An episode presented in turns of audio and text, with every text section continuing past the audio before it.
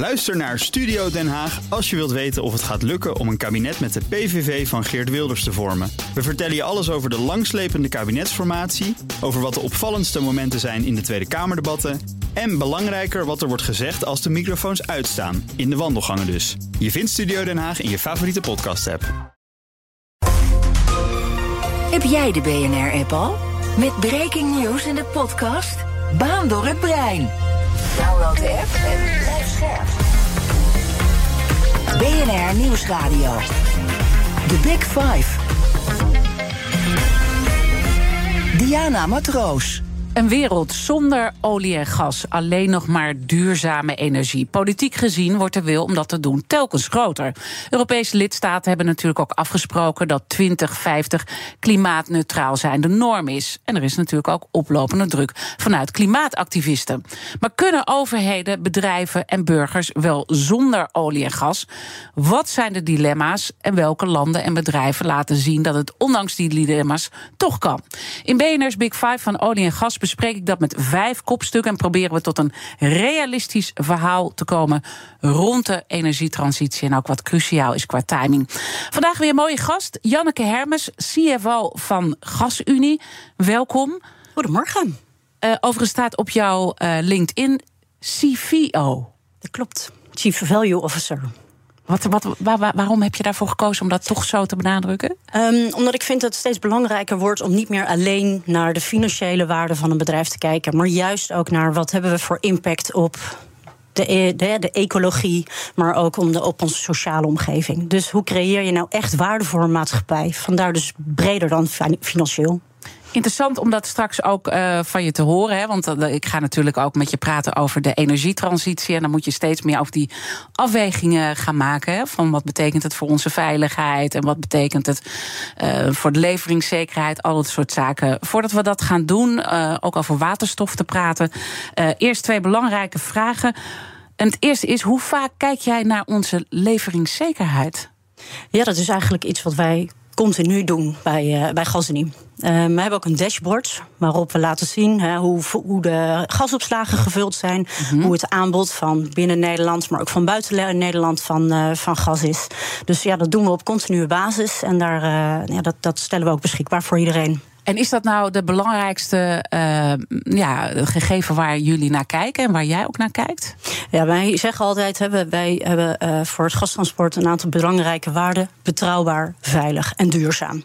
Uh, dus richting de toekomst wordt dat ook meer en meer belangrijk. En dan hebben we steeds gehoord, er zijn allemaal zorgen over de leveringszekerheid. Zeker vorige winter hoorden we dat voor de aankomende winter. Dat wordt echt een probleem. Heb je zorgen? Kijk, we kunnen nooit 100% zeker stellen hè, dat we voldoende gas zullen hebben. Maar als we kijken naar hoe die gasopslagen nu gevuld zijn, dan zijn die ruim boven de 95% gevuld. Dat is fors meer dan vorig jaar. We hebben nu ook een extra LNG-terminal natuurlijk hè, in het noorden van het land. De huidige LNG-terminal in, uh, in Rotterdam. Hè, dus vloeibaar aardgas wordt heel goed gebruikt. Um, dus voor komende winter staan we er goed voor. Uh, we zeggen wel altijd, zodra we een hele strenge winter krijgen en die gasopslagen dus heel erg leeggetrokken worden, ja, dan wordt het voor de winter daarop echt wel weer spannend. En er zullen ook wel meer factoren kunnen meespelen, want het is een heel volatiele markt natuurlijk. Gaan we zo meteen uh, wat verder over praten. Maar het tweede wat ik eigenlijk ook wil weten, altijd een persoonlijke uh, vraag. Was het nou altijd al zo dat jij dacht, ik wil in die gaswereld stappen? Want het is natuurlijk wel een bijzondere wereld op zich. Ja, het is niet zo dat je als kindje van zes uh, naar de school gaat en denkt van goh, laat ik iets in de, in de gaswereld gaan doen. Nee, dat is eigenlijk puur bij toeval gekomen. Ik heb uh, econometrie gestudeerd in Groningen, ging afstuderen en deed dat uh, bij het mooiste en grootste gebouw wat we hadden in Groningen, de Gasunie. En toch ben je al die tijd gebleven. Wat is het in die wereld dat jou toch trekt? Want je hebt je hele carrière intussen, en die is al vrij rijk, heb je daar gewerkt? Ja, mijn idee komt oorspronkelijk uit het westen van het land. Uh, dus mijn idee was ook altijd dat ik na mijn studie weer terug zou, uh, zou gaan. En misschien wel ergens uh, op de toen nog niet bestaande maar Zuidas zou gaan werken. Um, maar ja, ik ben dus bij GasUnie terechtgekomen, heb daar mijn scriptie geschreven, uh, heb gesolliciteerd op een functie die vrij kwam. Met de gedachte, dan ga ik daarna weer terug naar het Westen. Uh, en toch, ja, het was zo interessant. We waren toen al bezig met een, een, transitie van een geïntegreerde gas, gasonderneming. Want toen ik bij GasUnie kwam werken in 2002, deden we ook nog handel en productie. Nou, in 2005 gesplitst. Dat was al een hele interessante tijd. Ja, en toen hebben we echt onze activiteiten uitgebouwd van een gastransportonderneming naar een ja, internationaal gasinfrastructuurbedrijf. En dat wordt een energieinfrastructuurbedrijf. Ja, dus jullie gaan, hè, zijn nu natuurlijk volop met die volgende transitie bezig. Laten we dat helemaal uh, met elkaar ook uh, gaan doornemen. Want dan snappen we ook beter wat er in die gaswereld allemaal uh, gebeurt. En laten we beginnen om echt vast te stellen wat jullie nou doen als gasunie. Want ik denk dat daar kom je veel verwarring tegen op dat punt? Ja, daar kom je natuurlijk heel veel verwarring tegen. Hè? Als je op een feestje vertelt dat je bij GasUnie uh, werkt, nou, dan denkt de gemiddelde uh, ja, persoon op dat feestje dat het gas door ons geproduceerd wordt of verkocht wordt. Ja, en dat is al een tijd niet meer zo. Hè? Wij hebben het ook nooit geproduceerd. De NAM produceert het, het gas met name in, in Nederland, in ieder geval het grote Groningenveld. Ehm, we hadden Gasterra is er nu, hè? dat is de grote partij in Nederland die uh, de in- en verkoop van, uh, van de gascontracten uh, van het gas doet. en Gasunie is de partij, zoals ik zei, een infrastructuurpartij. dus wij transporteren gas in Nederland en in Duitsland, Noordwest-Duitsland met name. Ehm, en wij zijn eigenaar van een gasopslag in het noorden van Nederland. En samen met Vopak eigenaar van de LNG-terminal in Rotterdam. Uh, en in het noorden hebben we nog een, ja, twee drijvende LNG, twee, twee drijvende uh, mm -hmm. ja, vloeibaar gasfabrieken, zeg maar, sinds vorig jaar. Om, uh, om dat gas weer, dat vloeibaar gas weer om te zetten in gasvormig gas. En daarbij is dus leveringszekerheid gewoon een heel belangrijke factor voor jullie, omdat daar worden jullie en dat het ook veilig gebeurt daar worden jullie uiteindelijk op afgerekend als staatsbedrijf? Ja, wij hebben een wettelijke taak om uh, de staatssecretaris en de minister te adviseren over leveringszekerheid. Hoe, hoe, moet dat dan in Nederland? En is er voldoende infrastructuur om dat te kunnen bereiken? Uh, de marktpartijen in Nederland zijn verantwoordelijk om ja, zeg maar de moleculen, het echte gas naar Nederland uh, en naar Noordwest-Europa te brengen. Dus ja, wij kunnen zorgen dat er voldoende capaciteit is in de infrastructuur. Als je dat vergelijkt met wegen, voldoende snelwegen uh, liggen. Ja, maar de autootjes, dus het gas, ja, dat leveren wij niet. Dat, dat moeten de marktpartijen doen. En wat ik dus zo interessant vond, ik had me goed verdiept. En toch maakte ik ook een, een, een verwarrende opmerking naar jou voordat we de uitzending ingingen. Ik zei: Hoe vaak check je de gasprijs uh, eigenlijk? Zei je: Ja, dat is eigenlijk voor mij niet, ook niet als CFO bij zo'n gasunie belangrijk. Nou, in die zin is het belangrijk hè, dat wij er natuurlijk voor willen zorgen dat de gasprijzen in Nederland betaalbaar blijven. Hè. Dat is een hele belangrijke dat de energievoorziening in Nederland betaalbaar is. En als je naar je eigen gasrekening thuis uh, kijkt, nou, dan is die een stuk hoger dan dat die een aantal jaar geleden was. Maar voor onze eigen bedrijfsvoering is dat stukken minder van belang dan. Uh, ja, dan dat misschien op het eerste gezicht lijkt. Ja. ja. En als je dan kijkt naar de betaalbaarheid voor ons allemaal, maak je dan zorgen over toch die gasprijs die een flinke sprong uh, weer heeft gemaakt, hè, 30% omhoog. Onlangs uh, zag ik, terwijl, nou ja, we kwamen van een veel, veel, veel hogere prijs af natuurlijk. Maar toch, hoe kijk jij naar zo'n sprong? Ja, dat is, ja, eigenlijk is dat enorm geweest hè, de afgelopen, het afgelopen jaar, anderhalf jaar. Want uh, we, we kenden prijzen van ja, 20 euro per megawattuur. Vorig jaar augustus is die ruim boven de 300 euro per megawattuur geweest. Ja, dat, dat zijn ondenkbare sprongen. We zien er ook steeds meer fluctuatie in. In het voorgesprek zei ik al, een, een stakingsdreiging in Australië op een vloeibaar maak plant uh, voor aardgas, ja, heeft dan al effect op de Nederlandse en Europese gasprijzen. Uh, omdat LNG zo'n wereldmarkt is. Dus je ziet dat veel, ja, veel meer variabiliteit zeg maar, ook in die gasprijzen zit. En daar uh, zei Jillis van der Beukel gisteren, maar, uh, hij is energie-expert van het Den Haag Centrum voor Strategische Studies. We onderschatten dat in Nederland. Het is echt wel een onzekere markt waar we in zitten. En we moeten ons daar echt terdege zorgen over maken. Deel jij die zorg dan? Ja, wat we kijk, ik weet niet of jij je zorgen maakt, ochtends als je onder de douche stapt, of die, of die douche wel warm wordt. Maar dat is natuurlijk wat wij in Nederland kennen. Dat het, het gas is er altijd. Um, en dat is waar we vorig jaar natuurlijk met de neus op de feiten zijn gedrukt toen het gas ineens niet meer uit Rusland uh, kwam. Uh, dat de, de, de, sabotage van de Nord Stream-leiding, et cetera. Er kunnen hele rare dingen gebeuren. Uh, ja, en dat kunnen we natuurlijk nu ook niet uitsluiten. Hè, dat nou ja, zo'n stakingsdreiging, maar ook als er een keer een, een onverwacht onderhoud in een belangrijke aanvoerleiding, bijvoorbeeld vanuit Noorwegen, is. Ja, dat zijn allemaal zaken die een groot effect hebben op, op de leveringszekerheid, maar ook op de, en dus op de gasprijzen. De Big Five. Diana Matroos. Mijn gast vandaag is Janneke Hermes. Zij is de CFO van GasUnie. We weten nu wat GasUnie doet, dus dat is heel mooi. We komen zo nog wel zeker te spreken over LNG en het vloeibaar gas uit Rusland. Hè, want we hebben direct, uh, neem het niet meer af, maar er komt toch nog best wel veel uh, Russisch LNG ook uh, in Nederland. Maar dat moet je straks maar uitleggen. Maar laten we eerst eventjes teruggaan in de tijd. Want het is soms ook heel goed om te leren van het verleden en te kijken wat er nou allemaal achter de schermen bij jullie gebeurde toen die inval in Oekraïne van kracht werd. Wat gebeurde er toen bij jullie? Ja, 24 februari, hè? een anderhalf jaar geleden alweer, een ongelofelijke tijd. Um, en wat we toen echt merkten, uh, is dat de gasstromen in Europa uh, totaal omkeerde. dus daar waar gas normaal van het oosten naar het westen uh, het, ja, ja. stroomde, zeg maar, uh, was dat ineens totaal anders. Het kwam ineens vanuit het westen Amerika, of, sorry, de UK, hè, het Verenigd ja. Koninkrijk, daar kwam ineens gas vandaan. Het kwam ineens hè, extra vanuit uh, de Rotterdamse haven, omdat daar dat vloeibare aardgas uh, aankwam. Um, ja, en het kwam ineens toch nog weer veel meer uit, uh, uit Noorwegen. dus zo zag je dat dat ja, echt een invloed had op hoe we in Europa het gastransport bestuurde.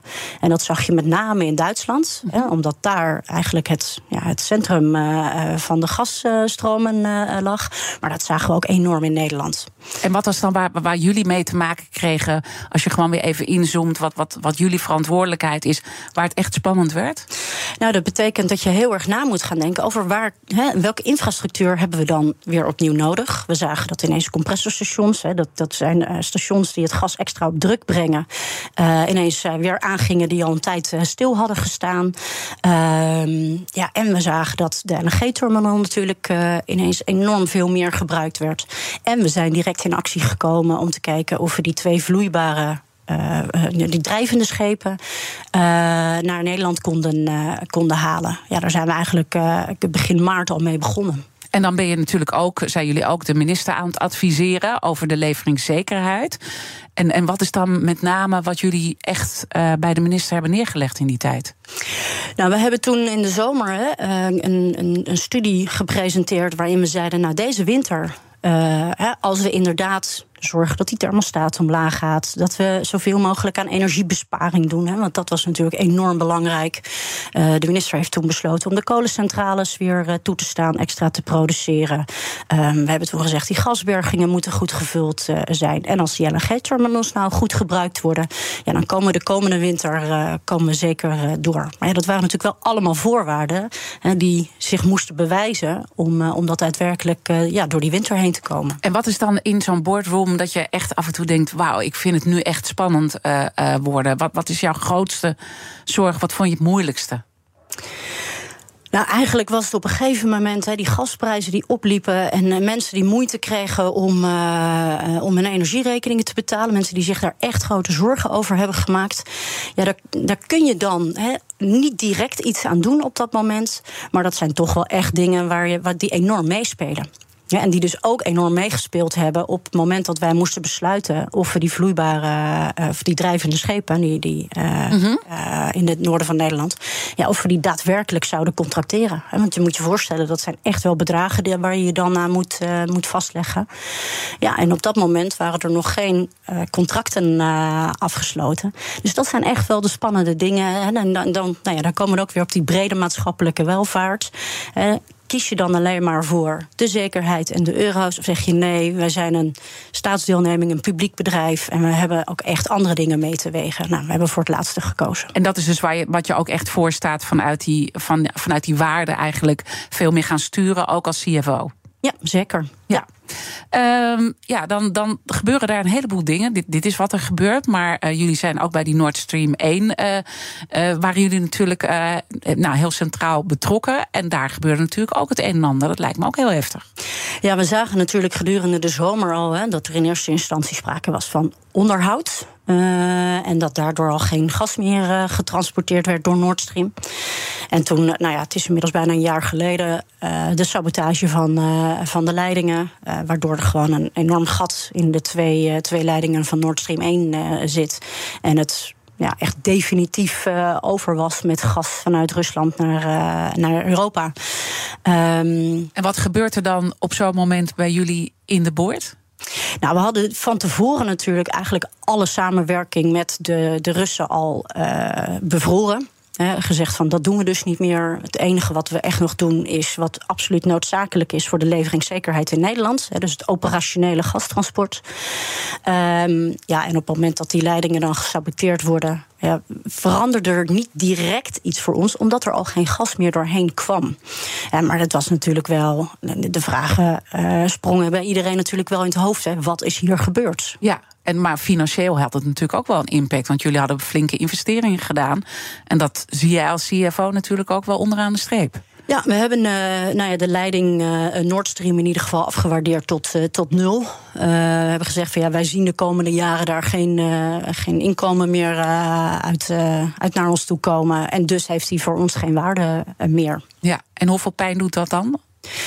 Nou ja, op, een, uh, op de, de balans van Gazini, uh, die toch ruim 10 miljard uh, is, ja, is dat natuurlijk vervelend. maar zie je dat niet direct heel hard terug.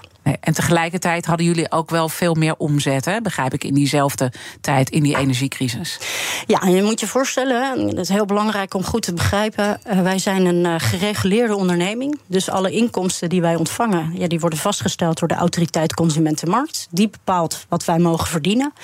En in, op het moment dat wij in een jaar uh, meer verdienen, zoals vorig jaar, ja, dan moet dat in de komende jaren weer terug. Dus alles wat wij in het vorige jaar aan, aan omzet extra hebben uh, uh, gedraaid, ja, dat gaat in de komende jaren weer terug naar de marktpartijen. En dat, wat betekent dat dan uiteindelijk allemaal voor ons als, als burger, als individu? Ja, je moet je voorstellen dat de invloed van de transportkosten van Gazini maar een heel klein gedeelte op uh, de rekening van, uh, van de eindconsument uh, zijn, of in ieder geval van de huishoudens zijn. Dus ja, daar zie je eigenlijk als uh, als, als gewone bewoner van een huis heel weinig van terug. En ook niet indirect, omdat het aan jullie marktpartijen uh, nou ja, wel weer wordt gecompenseerd, dat dat uiteindelijk weer terugvloeit bij ons. Ja, maar dat is zo'n klein gedeelte, wat dat van de totale eindrekening af, uitmaakt ja, dat je die fluctuaties dus bijna niet meer terugziet. Hè. Die gasprijs die is zoveel hoger, dus die maakt uit met name uh, wat je betaalt uiteindelijk. Ja, en als het bij ons een beetje meer of minder is, dan zie je dat als huishouden eigenlijk niet terug op je eindrekening. Dan het hele LNG-verhaal, dat stipt je al even aan. Daar zijn jullie natuurlijk ook mee bezig. Nou weten we dat we natuurlijk van het Russische gas af wilden. Maar dan heb je het aardgas en je hebt het vloeibaar gas, het LNG. En daar zie je toch dat uh, nou ja, Nederland wel minder. Hè. We staan geloof ik op plek uh, 9, geloof ik. En Spanje dan met name. Dat we toch nog heel veel Russisch vloeibaar gas uh, hier binnenkrijgen. Is dat dan vanuit de value waar jij ook dingen in doet, ook nog iets waar je wat van vindt? Het is heel. Um hoe moet ik dat zeggen, ingewikkeld om dat uh, te controleren. Waar komt dat gas vandaan? Want dat wordt ergens in een boot gestopt. Mm -hmm. Een LNG-tanker vaart dan over de wereld en die komt dan ergens in een ontvangstterminal weer, uh, weer aan. Ja, hoe dat op die zee allemaal uh, van eigenaar is, is, gewikkeld, of is gewisseld, is dan heel erg moeilijk, moeilijk ja, want dat zie je ook bij de CBS-cijfers, dat we niet precies eigenlijk kunnen aangeven nee. hoeveel Russisch vloeibaar gas we hier op deze markt hebben. Ja, dus dat zijn inschattingen die worden gemaakt. Nou, bij de uh, nieuwe contracten die we hebben afgesloten voor uh, de terminal in, uh, in Groningen, hebben we aangegeven aan onze ja, potentiële klanten: we willen niet dat daar Russisch gas komt. Kun je dat dan echt 100% controleren? Nee, dat kunnen we dus niet. Maar dat is wel de afspraak die we hebben gemaakt. In de LNG-terminal in de Rotterdamse haven. Ja, die contracten lopen natuurlijk al jaren. Uh, en dan is het dus echt aan de leverende partijen om daar uh, de keuze in te maken. Ja, en, en uh, dan zie je dus toch dat er meer Russisch LNG naar de Europese markt komt in plaats van minder? Nou, dan, dan overvraag je me even. Maar volgens mij is het namelijk enorm teruggelopen wel. Hè, de, ook de LNG uh, eh, vanuit Rusland. Uh, en zeker in, uh, in Nederland. Hoe dat precies in de andere landen. nou, het is altijd wel, met welk moment je het vergelijkt. Ja. Hè? Dus de, de, de, ja, dat is altijd lastig met meer en minder. Maar volgens mij, vergeleken met een jaar geleden, is het nu intussen weer meer. En wordt er ook opgeroepen om dat uiteindelijk uh, te verminderen. Ja, en dat is natuurlijk wat we uh, gezegd hebben. Kijk, er zit natuurlijk geen uh, verbod op, op import uit, van, van Russisch gas. Er komt naar de hele Europese Unie ongeveer nog 5% Russisch gas, ook via de Oekraïne. Ehm, maar ja, we, we willen zowel, heel Nederland wil eigenlijk zo min mogelijk zaken doen met, uh, met Rusland. Uh, en zich houden aan alle, alle sancties die er zijn. Ja, maar je ziet dus ook dat je gewoon een, een, een realiteit hebt. Hè, want we proberen ook het realisme in kaart te brengen. We kunnen van alles uh, willen. We kunnen ook politiek gezien van alles willen. Maar je hebt ook gewoon een realiteit dat in dat hele gasspel ook een heleboel dingen niet te controleren zijn. Ja, dat klopt. Ja. Is dat, is het, is dat moeilijk? Of heb je daar geen. Uh... Ja, uh, kijk. We, we, we, gaan natuurlijk steeds meer naar uh, een wereld waarin we verbeteringen zoeken. en je hebt als ja, onderneming en als wereld, als land altijd te maken met de dingen die je in het verleden zo hebt, hebt ingericht. Wat dus niet wil zeggen dat het 100% goed is, maar dat je ook niet in één klap kunt veranderen. Maar daar is altijd veel belangrijk, zeg ik, dat we de stappen de goede richting op maken. En laten we daar dan zo meteen in het tweede deel verder over praten. Want een belangrijke stap in die duurzame energietransitie is natuurlijk gaan naar waterstof. Terwijl we ook weten dat het er nog een heel klein uh, percentage is. Er nog een hele weg te gaan is. En daar hebben jullie ook een belangrijke rol in. Dus daar praten we zo meteen over verder. En over het Groningse gas natuurlijk. Blijf luisteren. De CFO van de Gasunie, Janneke Hermens. Ook Harm Edens vind je in de BNR-app. Je kunt BNR Duurzaam niet alleen live luisteren in de app, maar ook terugluisteren als podcast, zoals al onze podcasts. En naast dat de BNR-app Breaking News meldt, houden we je ook op de hoogte van het laatste zakelijke nieuws. Download nu de gratis BNR-app en blijf scherp. Blijf scherp. BNR Nieuwsradio. The Big Five. Diana Matroos. Welkom bij tweede half uur. Deze week praat ik met vijf kopstukken uit de wereld van olie en gas. Eerder deze week sprak ik daarover met Gerda Verburg. Zij is de voorzitter van Element NL, de brancheclub van de twaalf olie- en gasbedrijven in Nederland. En zij riep op om de polder in deze sector weer te laten werken en ook eh, stoppen met drammen. Dat was een eh, kritische kanttekening naar klimaatactivisten die op de lange termijn niet productief zijn in haar ogen. Uh, het is allemaal terug te luisteren via de BNR-app. Mijn gast vandaag is Janneke Hermes. Zij is de CFO van GasUnie. Heeft uh, Gerda Verburg trouwens gelijk met haar oproep? Je hebt ook de uitzending geluisterd, begreep ik. Ik ben altijd heel erg voor mensen met vernieuwende ideeën, moet ik zeggen. En dan kun je echt twisten over de manier. Um, maar ik ben altijd wel blij met mensen die proberen uh, vernieuwingen en verbeteringen uh, op te roepen, zeg maar, om vernieuwingen en verbeteringen uh, door te voeren. Ja, maar zij zegt, we laten we gewoon ook weer met elkaar in gesprek gaan als polder. Hè? En dat het dus toch ook door nou ja, het, klimaatactivisten die natuurlijk ook iets in beweging proberen te brengen, maar soms ook gewoon averechts werkt, is haar stelling. Uh, als het gaat over onze toekomst. Ja, ik denk dat we de energietransitie met z'n allen niet zonder samenwerking voor elkaar kunnen krijgen. Dus we hebben elkaar allemaal heel hard nodig om de neuzen dezelfde kant op te krijgen en vaart te maken om, uh, om die, trans ja, die transitie uh, voor te kunnen zetten. Laat ik met jou dan ook over die transitie verder praten. Dat is een topic wat we zo meteen aan de hand gaan nemen in het komend half uur. Waterstof is daar natuurlijk belangrijk. Daar hebben jullie ook een belangrijke rol. Maar laten we toch nog even stilstaan bij die oude wereld. En misschien ook de publieke opinie als het daar om gaat. En dan komen we toch bij Groningen ook, hè, want daar hadden jullie ook een, een belangrijke rol als het gaat om die uh, infrastructuur. Per 1 oktober stopt het. En dan hebben we nog wel een jaar weer zwaar voordat het echt allemaal definitief uh, ontmanteld wordt. Maar we zijn wel van de waakvlam af, hè, zoals dat dan in, uh, in, politieke termen ook steeds is besproken. Um, hoe, hoe, hoe is dat voor GasUnie geweest eigenlijk? Hoe wij naar Groningen keken en ook misschien wel naar een bedrijf als de GasUnie hebben gekeken? Ja, we hebben. Um heel hard gewerkt natuurlijk de laatste eh, jaren om die stikstoffabriek in Groningen te bouwen. Uh, wat een hele belangrijke voorwaarde was om, uh, om dat Groningenveld te kunnen sluiten. Um, maar ik zei net al, op feestjes begrijpen mensen niet altijd wat wij doen. Ja, en moest je dus dat wel heel goed uitleggen. Uh, welke rol Gasunie heeft in nou, de hele gasproductie, transport, hè, opslag. Uh, om te, ja, duidelijk te maken dat wij mee aan het werken waren aan het ja, zo snel mogelijk reduceren van het, uh, van het Groningenveld. En dat is niet uh, vaak, denk ik, dan de publieke opinie of wat je op uh, feestjes uh, tegenkomt. Hebben jullie collega's of jij ook zelf daar gewoon vervelende reacties op gehad? Ja, zeker wel. Hè? In de zin van nou ja, de, de, vragen die gesteld worden. Ehm, hoe zit dat dan? Hè? Nou, dat zijn dan nog de nieuwsgierige vragen. maar nee, je moet niet, niet te vaak op social media kijken om te zien wat er dan voor berichten voorbij komen. Ja, en u moet zich voorstellen, er, er werken ruim 800 mensen in, in Groningen voor gas en heel veel daarvan wonen zelf ook in het aardbevingsgebied. Uh, en hebben daar dus zelf ook heel erg veel last van. Dus ja, wij begrepen gewoon heel goed uh, ja, hoe, hoe erg dit, uh, dit was voor mensen. Ja, en, en is er, zijn er dan ook mensen die gewoon niet meer uh, voor het bedrijf dat niet meer voor elkaar kregen om te werken? Dat jullie ook met vertrek te maken kregen? Of ging het niet zover? Nee, wij hebben mensen die heel erg lang bij Gasunie blijven werken. Gelukkig. We hebben natuurlijk heel jij, veel hè? mensen, net als ik, maar we hebben natuurlijk ja. heel veel mensen nodig ook richting de toekomst. Ja, en dat, dat zien we gelukkig ook. Dat mensen die bij Gasunie komen werken ook vaak heel lang blijven. Nou, heb je eerder aan, aan, aan het begin van het gesprek gezegd dat jullie ook de minister moeten adviseren over leveringszekerheid. En dan kan ik me wel voorstellen dat het een spannende wordt met het sluiten van Groningen. Want jullie hebben eigenlijk altijd gezegd: houd nou op de waakvlam. Als ik het goed begrijp. Ja, wij hebben natuurlijk, hè, zoals gezegd, die wettelijke taak om de minister over leveringszekerheid uh, te adviseren. Um, en dat is dus wat we ook uh, op regelmatige basis doen.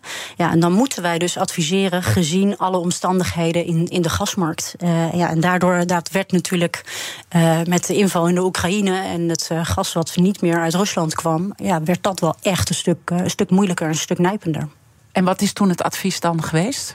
Ja, we hebben natuurlijk geadviseerd hè, om uh, het Groningenveld nog, uh, nog op de waakvlam uh, te houden. we hebben ook geadviseerd om goed na te denken over hoe de verschillende bergingen in Nederland in te zetten. Um, en dat vanuit een leveringszekerheidsperspectief. Hè. En, en, dan de staatssecretaris in dit geval moest ja, alle andere dingen, ook als veiligheid van, van de bewoners, ook meenemen. En uiteindelijk weten we nu waar het op uitgedraaid is. En het gaat dus per 1 oktober uh, stoppen. Um, dat staat dan toch wel haaks op jullie advies.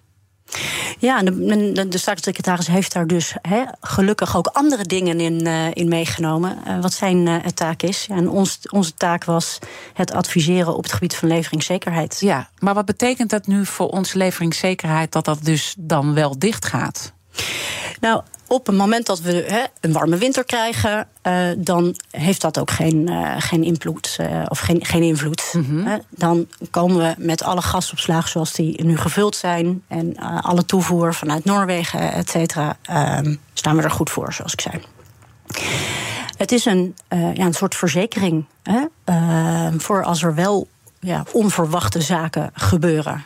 Ja, als die niet optreden, uh, dan voorzie ik niet, zo, niet veel problemen voor de komende winter. Maar als ik ook uh, goed luister naar Jillis van den Beukel, het is zo'n onzekere markt uh, geworden. Het is ook een geopolitiek spel geworden. waarin ook bepaalde landen nou, ook denken: we gaan het Westen nog even uitknijpen voordat ze naar die energietransitie uh, gaan en we echt van, dat, uh, van die oude fossiele wereld afstappen. Uh, dan, dan wordt het toch echt wel heel erg spannend als het over die leveringszekerheid gaat. Ik snap dat we allemaal niet in de glazen bol, hè, maar ik, ik probeer gewoon te kijken met welke scenario's rekenen jullie nu? Ja, wij houden natuurlijk met heel veel scenario's rekening. Uh, en dat is ook waar we ons uh, advies op, uh, op baseren.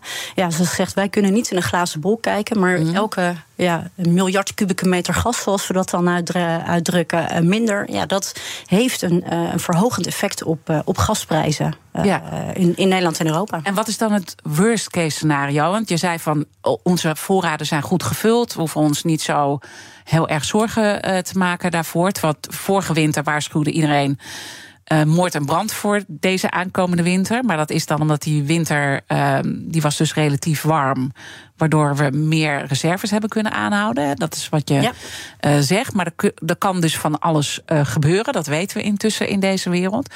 Wat is dan het worst case scenario waarmee je werkt? Het ministerie van, van Economische Zaken heeft daar plannen voor. Hè. Wat als de leveringszekerheid in gevaar uh, komt. En dan ga je het eerst zorgen dat er additioneel LNG kan komen. Je gaat zorgen dat de mensen een, een, een thermostaat wat lager zetten. Hè. Dus zoveel mogelijk de vraag dempen. Ja, en als we dan echt aan het einde van het lijstje komen, uh, dan kan het ministerie besluiten over gedwongen afschakeling van industrieën bijvoorbeeld. De, en dat, dat, dat is best wel. Uh, dat zou het eerste zijn wat dan aangepakt gaat worden. Nou, dat is eigenlijk het laatste. Het laatste. Het, het laatste uh, wat, wat er gebeuren gaat. Hè. Dus ja. je gaat eerst zorgen uh, op het moment dat er een calamiteit gebeurt, dat we andere uh, maatregelen treffen. Zoals dat uh, verminderen van de energievraag, vrijwillig, bij mensen thuis. Uh, ja, en pas als, als ultimum. Hè, dan ga je, mm-hmm. gaat, gaat het ministerie uiteindelijk over tot gedwongen afschakeling. En zijn dat ook gesprekken die jullie dan moeten uh, voeren met partijen? Nou, wij, hè, dat hele plan dat is, uh, dat is ontwikkeld. Daar is aan de voorkant natuurlijk ook door het ministerie uh, goed over nagedacht. Van welke partij of welke industrie hè, moeten we dan als eerste afschakelen. en dat is ook een, een overleg waar wij ook bij betrokken zijn geweest. Uh, er komt intussen ook uh, breaking news binnen. Dat is altijd. Uh... Breaking news. En daar hebben we altijd even een mooie jingle uh, voor. Um, er komt nu zojuist binnen dat chemiebedrijf Chemour aansprakelijk is voor PFAS-schade tussen 1984 en 1998. Dat is een uitspraak die uh, zojuist uh, is gedaan. Ik neem aan dat we straks ook in onze latere bulletins in BNR Zaken doen, uh, gaan we daar uitgebreid aandacht aan besteden. Maar voor iedereen die het uh, volgt, Gemeenbedrijf Gemoers is dus aansprakelijk gesteld voor PFAS-schade tussen 1984 en 1998. Zometeen hoor ik er meer over van Thomas van Zijl. Maar wij uh, praten hier verder over al die afwegingen die jullie ook moeten maken richting de industrie. je hoopt natuurlijk nooit dat dit worst case scenario. Uh, bewaarheid wordt. Maar zou het kunnen zijn dat um, in dit komende winter toch ook weer Groningen de boel aan de praat gebracht gaat worden? Nou ja, zoals gezegd, ik, ik kan echt niet naar glazen bol kijken. Nee. En we hebben er natuurlijk alles aan gedaan in Nederland om te zorgen dat dat niet hoeft. Met die gevulde bergingen, met die uitgebreide LNG-capaciteit. Um, dus ja, 100% uitsluiten kan ik het uiteraard nooit. Maar um, uh, we staan er goed voor uh, om te zorgen dat dat niet hoeft. Iets anders is de energietransitie, want daar moet je enorm op uh, sturen. En terwijl je dus eigenlijk ook ziet dat we deels in een oude wereld nog actief zijn. En die afhankelijkheden zijn nog ontzettend groot. Hoe moeilijk is dat balanceren, zo'n transitie?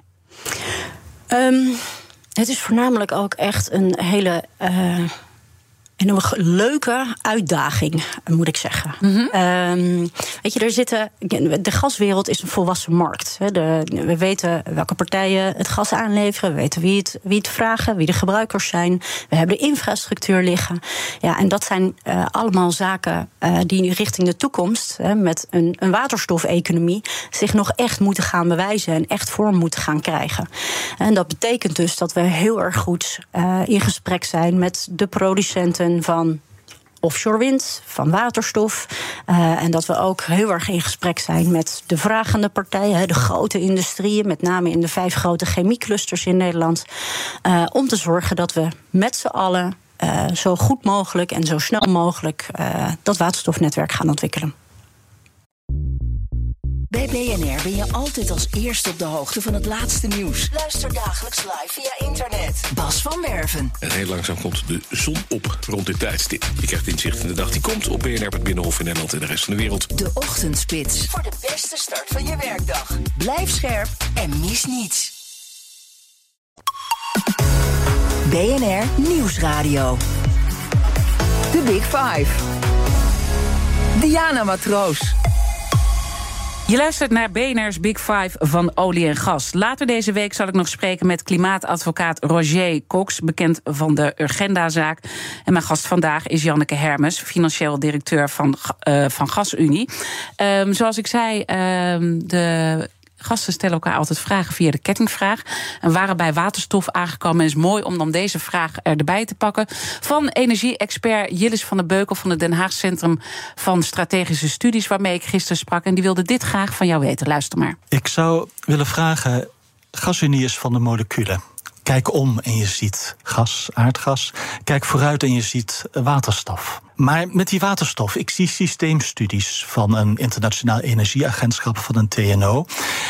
En die kijken heel verschillend naar de toekomst van waterstof. In sommige studies zie ik 5% aandeel in ons toekomstig energiesysteem. In sommige zie ik 25 of 30%. Wij weten dat niet. En nu moeten jullie bij de gasunie grote investeringen doen en kunnen niet, niet langer wachten. Hoe kijken jullie aan tegen de toekomst van waterstof en hoe gaan jullie om met de onzekerheid op een moment dat je wel moet gaan uh, investeren? Ja, dat is natuurlijk de million dollar question. Absoluut. ja, een hele goede vraag van, uh, van Jilles. Um, kijk, wij hebben samen met de andere uh, regionale netbeheerders, uh, als een Alliander en een Enexis en een Stedin, maar ook met Tennet, de, de landelijke netbeheerder van het elektriciteitsnet, doen we op regelmatige basis een studie naar hoe ziet nou dat energiesysteem van de toekomst eruit. En dan worden vier uh, ja, zeg maar wereldbeelden geschetst. En daarin, in elk van dat wereldbeeld kunnen we dan zien uh, hoeveel uh, elektriciteit wordt er gevraagd, hoeveel waterstof, hoeveel CO2 wordt er dan opgeslagen, et cetera. Dus daar hebben we een best goed, goed beeld van. Um, en in die studie zien we dat in elk van de vier scenario's die we schetsen, er echt een stevige groei is in de vraag van waterstof. Of de vraag naar waterstof, moet ik zeggen. Um, dus eigenlijk is het investeren in een waterstofnetwerk, wat wij nu aan het doen zijn uh, binnen, binnen in Nederland en Duitsland, uh, is een no regret. En hoe groot die dan uiteindelijk richting 2050 moet zijn, dat gaan we natuurlijk de komende jaren zien. Maar we weten nu al dat er richting 2030 een stevige groei zal zijn in de vraag naar waterstof. En toch uh, is Jillis wijst natuurlijk wel op een punt. Er is nog heel veel uh, onzekerheid. En daar klagen ook heel veel partijen over. Terwijl ik hoor dan bij jou van nou, eigenlijk weten gewoon die behoefte wordt zo groot. Dit gaan we gewoon doen. Nou, wat we weten is wat, wat het minimale uh, de vraag naar capaciteit van waterstof uh, wordt. Uh, en natuurlijk weten we met z'n allen nog niet precies hoe het gaat. Maar er zijn nu heel veel windkavels aangewezen op de Noordzee om die offshore wind te gaan produceren. Er worden steeds meer initiatieven genomen om die wind om te zetten naar, naar waterstof. Dat heet elektrolyse. Dus er zijn steeds meer marktpartijen die zich daarmee bezig gaan houden. en we hebben in die studie die we hebben gedaan met een heleboel industrieën en marktpartijen gesproken over welke vraag zij zien ontstaan. we hebben ook een zogenaamd open season gedaan. Nou, dat is een, een, middel om aan de markt te vragen hoe zij de toekomst uh, zien. Dus we weten, we hebben best een goed beeld van hoe gaat zich dat in ieder geval in de komende jaren ontwikkelen en ook over de richting daarna. Nou, verder zijn we natuurlijk uh, ruim uh, een aantal jaar geleden al in gesprek gegaan met de overheid. En dan hebben we met elkaar geconcludeerd, we willen graag dat die infrastructuur er straks ligt. Want dat is een van de grote -hmm. onzekerheden die weggenomen moet worden om zo'n ja. markt zich te laten ontwikkelen. Uh, en dus hebben wij gezegd, dan gaan wij beginnen met de ontwikkelingen van dat op land, hè, onshore netwerk. En daar heeft de overheid ook van gezegd, daar willen wij aan bijdragen. Hè, want we zien zeker in, die, in de beginfase, wat mm -hmm. ook zegt, grote onzekerheid over hoe snel gaat dat nou. Nou, daar heeft de overheid van gezegd, dan uh, hè, subsidiëren we dat met 750 miljoen euro. Uh, en wij gaan dus nu aan de slag. We hebben net het eerste investeringsbesluit genomen om in Rotterdam uh, te gaan beginnen.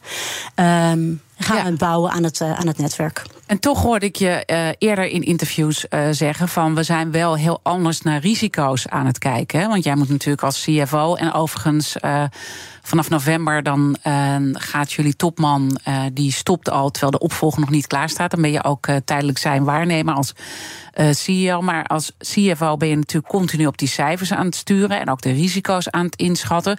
En dat die markt qua risico's ook in die transitie echt wel een andere geworden is.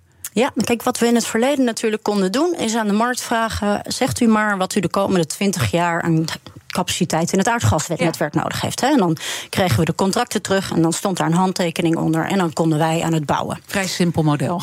Klinkt heel simpel. Hè. Ja, het is wat ingewikkelder, maar zo even platgeslagen. Um, Ja, en dat, wordt, dat is in de, in de waterstofmarkt is dat wat ingewikkelder. Hè? Want we weten nog niet 100% waar alle waterstof vandaan gaat komen. We weten dat er import gaat komen. We weten dat we het op de Noordzee uh, veel windmolens gaan bouwen. Dus een globale inschatting kunnen we wel maken.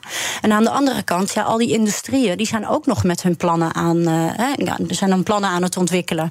Dus die kunnen ook nog niet zichzelf vastleggen voor de komende 20 jaar.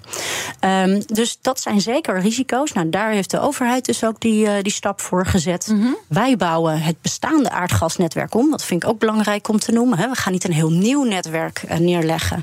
We gebruiken een heel groot gedeelte van het bestaande netwerk om straks het waterstofnetwerk ja, van te maken. Uh, jullie netwerk is 17.000 kilometer lang leidingennetwerk. Maar dat is de, het zijn allerlei aansluitingen: Duitsland, Noorwegen, België, Rusland, het VK. Ja. En min, zei jij net in de break tegen mij, 200 meter. Ja, dat is het gat wat er in de Nord Stream-leidingen uh, ja, zit. Ja, maar ja. Het, is een, het, is, het, is, het is echt gigantisch. Hè? Als je dat even beeldend uh, voor je ziet, wat jullie dus allemaal moeten ombouwen. Hoe groot deel moet er omgebouwd worden naar dat waterstof? Nou ja, van het, het waterstofnetwerk wat we dus nu plannen, is ongeveer 80% straks omgebouwde uh, aardgasleiding. En je moet je voorstellen, we zijn eigenlijk. Gigantisch, hè? Ik bedoel, het is toch echt. Ja, nou ja kijk, het is eigenlijk heel mooi, hè? Want het is gebruiken van wat we al hebben liggen. Uh, dus hè, als we het dan toch hebben over hè, hergebruik van, uh, van, van wat we hebben in Nederland, ja, dan is dit een heel mooi voorbeeld. En dat kunnen wij in Nederland omdat we echt een uniek netwerk hebben. Hè, dat Groningenveld, waar we het straks ook al over hadden, dat is een hele speciale kwaliteit lage energieinhoud, omdat er veel stikstof in dat veld uh, mm-hmm. zit. Maar we gebruiken natuurlijk ook heel veel hoogkalorisch gas, waar een hoge energieinhoud in zit. Dat komt namelijk van de andere delen van de wereld en van onze kleine velden in de Noordzee. Maar daardoor hebben we in Nederland sinds 1963 eigenlijk een dubbel netwerk neergelegd. En dat betekent dat wij dus nu op vrij eenvoudige wijze die, ja, dat hergebruik ja. kunnen doen, omdat we leidingen vrij kunnen spelen. Maar het eenvoudige is ook weer ingewikkeld. Want je hebt wel natuurlijk windparken nodig en dan uh, elektrolyse. En dan moet het ook nog nou ja, getransporteerd worden. Dat, dat doen jullie dan. Maar je hebt dus heel veel partijen nodig om dit echt te laten vliegen. En we weten dat, uh, want dat zijn ook continu de teksten die ik hoor. Voordat we daar echt grootschalig van gebruik gaan maken, dan zijn we nog een heel eind weg. En er zijn nog heel veel onzekerheden die ingevuld moeten worden. Dat klopt toch? Ja, natuurlijk moet er nog een heleboel gebeuren. Ik hoorde jou ook net zeggen, waterstof is de heilige graal. Ja, ik had gehoopt dat er een heilige graal was in de energietransitie. Maar die bestaat volgens mij niet. Dus we moeten op alles inzetten wat we kunnen... om die klimaatdoelen in 2030 en 2050 uh, te kunnen halen. Nou, en als je dat weet, ja, dan weet je ook dat er veel onzekerheden zijn. En we weten dus ook heus hè, dat we uiteindelijk misschien uh, ergens eens een keer iets gaan doen waarvan we achteraf over een jaar of twintig zeggen: ja, dat hadden we misschien beter, slimmer en anders kunnen doen. En toch, we moeten nu vaart maken om die klimaatdoelen te kunnen halen. Mm-hmm. Dus dat betekent dat je het zo slim mogelijk doet dat je begint he, bij de no-regret opties. Dus bij het aansluiten van die vijf chemieclusters uh, in Nederland. Waarvan we echt weten dat daar de waterstofvraag zich gaat ontwikkelen. Uh, en we sluiten zoveel mogelijk aan bij die productie van die wind op zee. Want ook dat weten we, die gaat er komen. Maar als we het eerlijke verhaal aan ons als maatschappij ook vertellen, moeten we dan ook gewoon van uitgaan dat. He, we hebben nu al die pijn van die energiecrisis natuurlijk uh, gevoeld, hè, afgelopen winter. Uh, nou, het valt voor deze winter in principe mee. We weten het nooit, hè? dat hebben we ook uh, besproken. Maar dat we in die hele transitie ook als burgers gewoon moeten rekening houden dat het allemaal niet meer zo vanzelfsprekend is. En dat we in die transitie ook pijn daarvan gaan hebben als het gaat over leveringszekerheid. Ja, nou, wij gaan er alles aan doen om te zorgen dat die leveringszekerheid op orde blijft. Dat is ook de reden dat we nu al beginnen. Mm-hmm. En daarom zeg ik, die unieke positie, dat dubbele netwerk, ja, dat is gewoon enorm in ons voordeel. Hè? Want we kunnen en aardgas blijven transporteren en die transitie naar waterstof maken. Um, maar dat we met z'n allen de komende jaren he, voor uitdagingen komen te staan, ja, dat, dat kun je bijna met 100% zekerheid zeggen. En wat is de grootste uitdaging waar we dan rekening mee moeten houden? Nou, de vraag is hoe snel gaat het nu? Hè? Krijgen we de vergunningen allemaal snel voor elkaar? Ja. Hebben we genoeg mensen om het allemaal te doen? Hè? Want iedereen is met die energietransitie bezig. Dus genoeg mensen bij aannemers, bij onszelf, bij de andere partijen.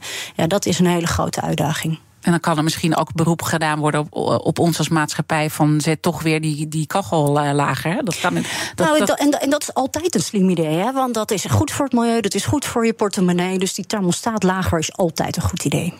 Laten we besluiten met één belangrijke vraag nog. De kettingvraag aan René Peters. Hij is directeur gastechnologie bij TNO.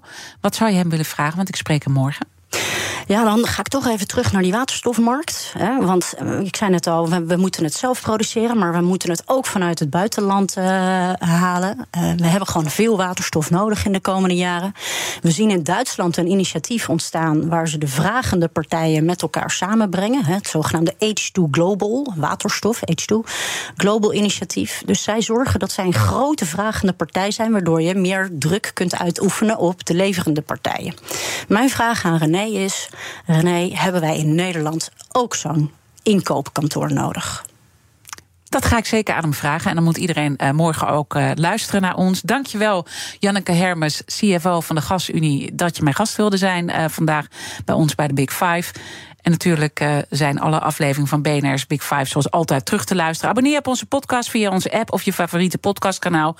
Maar blijf vooral live. Zometeen BNR Zaken doen met Thomas van Zijl. En dan ook het laatste nieuws over chemiebedrijf Chemours. Aansprakelijk dus voor PFAS-schade tussen 1984 en 1998. En hij gaat dat straks allemaal uh, nader toelichten met zijn gasten. Ik wens je een mooie dag. Ook Diana Matroos vind je in de BNR-app. Ja, inderdaad. Je kunt live naar mij luisteren tijdens de Big Five. Ook handig in de BNR-app. Breaking nieuwsmeldingen, maar ook het allerlaatste zakelijke nieuws. En je vindt in de app alle BNR-podcasts, waaronder Wetenschap Vandaag. Download nu de gratis BNR-app en blijf scherp.